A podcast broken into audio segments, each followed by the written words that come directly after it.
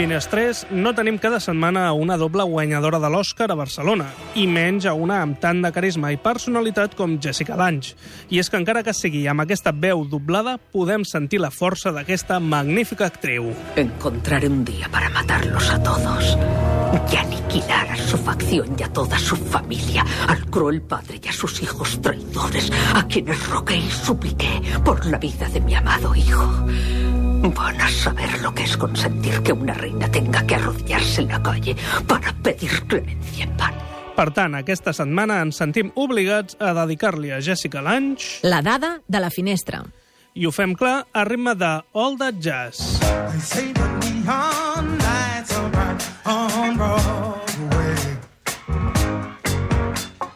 A nivell personal, sabeu que va estar casada i va tenir un fill amb el famós ballarí rus Mikhail Baryshnikov i que és una gran defensora dels drets dels monjos nepalís?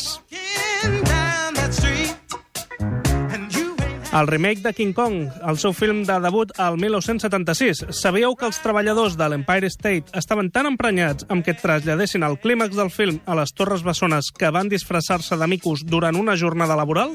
Jessica Lange va fer-se amb el paper davant de Meryl Streep. Sembla que el productor, Dino De Laurentiis, va dir-li a la cara a Meryl Streep que era massa lletja. Li va dir en italià, sense saber que Meryl Streep també parlava la llengua. All That Jazz al 79. Aquell any hi va haver dues pel·lícules que van homenatjar Vuit i mig de Fellini. Aquesta i Recuerdos de Woody Allen. are you gonna make some time? El cartero siempre llama dos veces. Novament, el paper de Jessica Lange va estar en disputa amb Meryl Streep.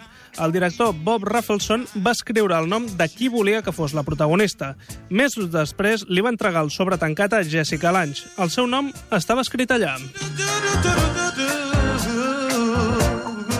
Tutsi, amb la que Jessica Lange va guanyar el seu primer Oscar. El títol original del film era Would I Lie to You? El títol Tutsi el va suggerir Dustin Hoffman. Era el nom del gos de la seva mare. Broadway. Frances al 82, un film important per diverses raons. És on es van conèixer Jessica Lange i Sam Shepard. Han estat feliçment casats eh, des de llavors. Va ser el film on Kevin Costner es va donar a conèixer.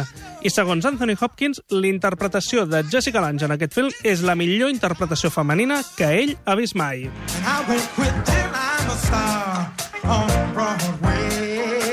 La caja de música al 89. El paper havia de ser per Jane Fonda, però Costa Gabres va considerar que era massa gran pel paper i es va quedar amb Jessica Lange.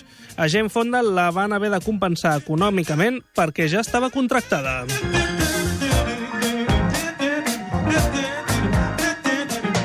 El Cabo del Miedo, 1991. Costa molt de creure alguna de les coses que he llegit d'aquest film. El projecte original era de Steven Spielberg i Bill Murray havia de fer el paper que va acabar fent Robert De Niro.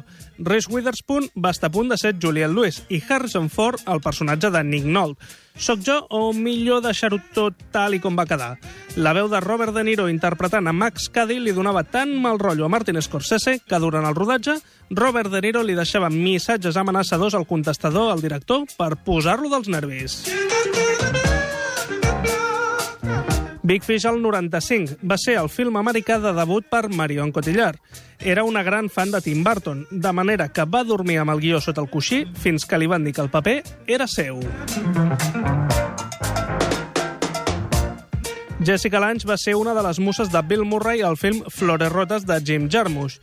Bill Murray ha confessat que va estar a punt de retirar-se després d'aquest film, entenent que era la seva millor interpretació i que no podria superar-la. I acabem amb el seu últim gran treball, a la sèrie American Horror Story. Sabíeu que la menció de la primera temporada és real? Va ser obra de l'arquitecte Alfred Rosenheim a l'any 1908. De fet, va ser la seva pròpia casa. Només van rodar escenes dins de la casa durant el capítol pilot. Després van haver de replicar-la en un set. Els exteriors sí que són reals, i allà s'han rodat altres sèries com Buffy Cazavampiros. Queda clar. L'Oriol González diu que la millor pel·lícula de Jessica Lange és Frances i Tutsi la podeu veure demà a la Filmoteca a les 7 i 10.